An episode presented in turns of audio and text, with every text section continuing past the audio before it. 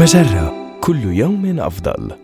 من هارفارد بزنس ريفيو أحد مواقع مجرة إليكم النصيحة الإدارية اليوم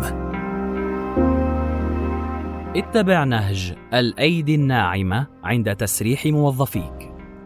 عند إغلاق قسم في الشركة أو تقليص العمل فيها، يتخذ القادة نهج الرجل الصارم في إجراء تسريح الموظفين، لكن يمكن لهذا الأسلوب أن ينفر الموظفين الباقين، ويغضب الزبائن والموردين، ويدمر القيمة السهمية للشركة.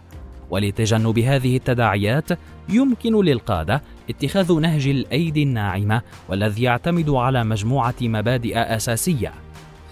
أخبر موظفيك لماذا يفقدون وظائفهم، وأخبرهم عن حقوقهم المترتبة على التسريح من العمل.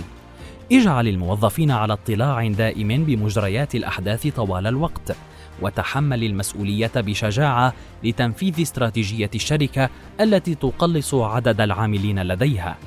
لا تلقي الناس في الشارع دون سابق إنذار. أخبرهم بنبأ التسريح قبل فترة وساعدهم على ترتيب أمورهم في أيامهم الأخيرة في الشركة. ساعد الناس في العثور على وظائف.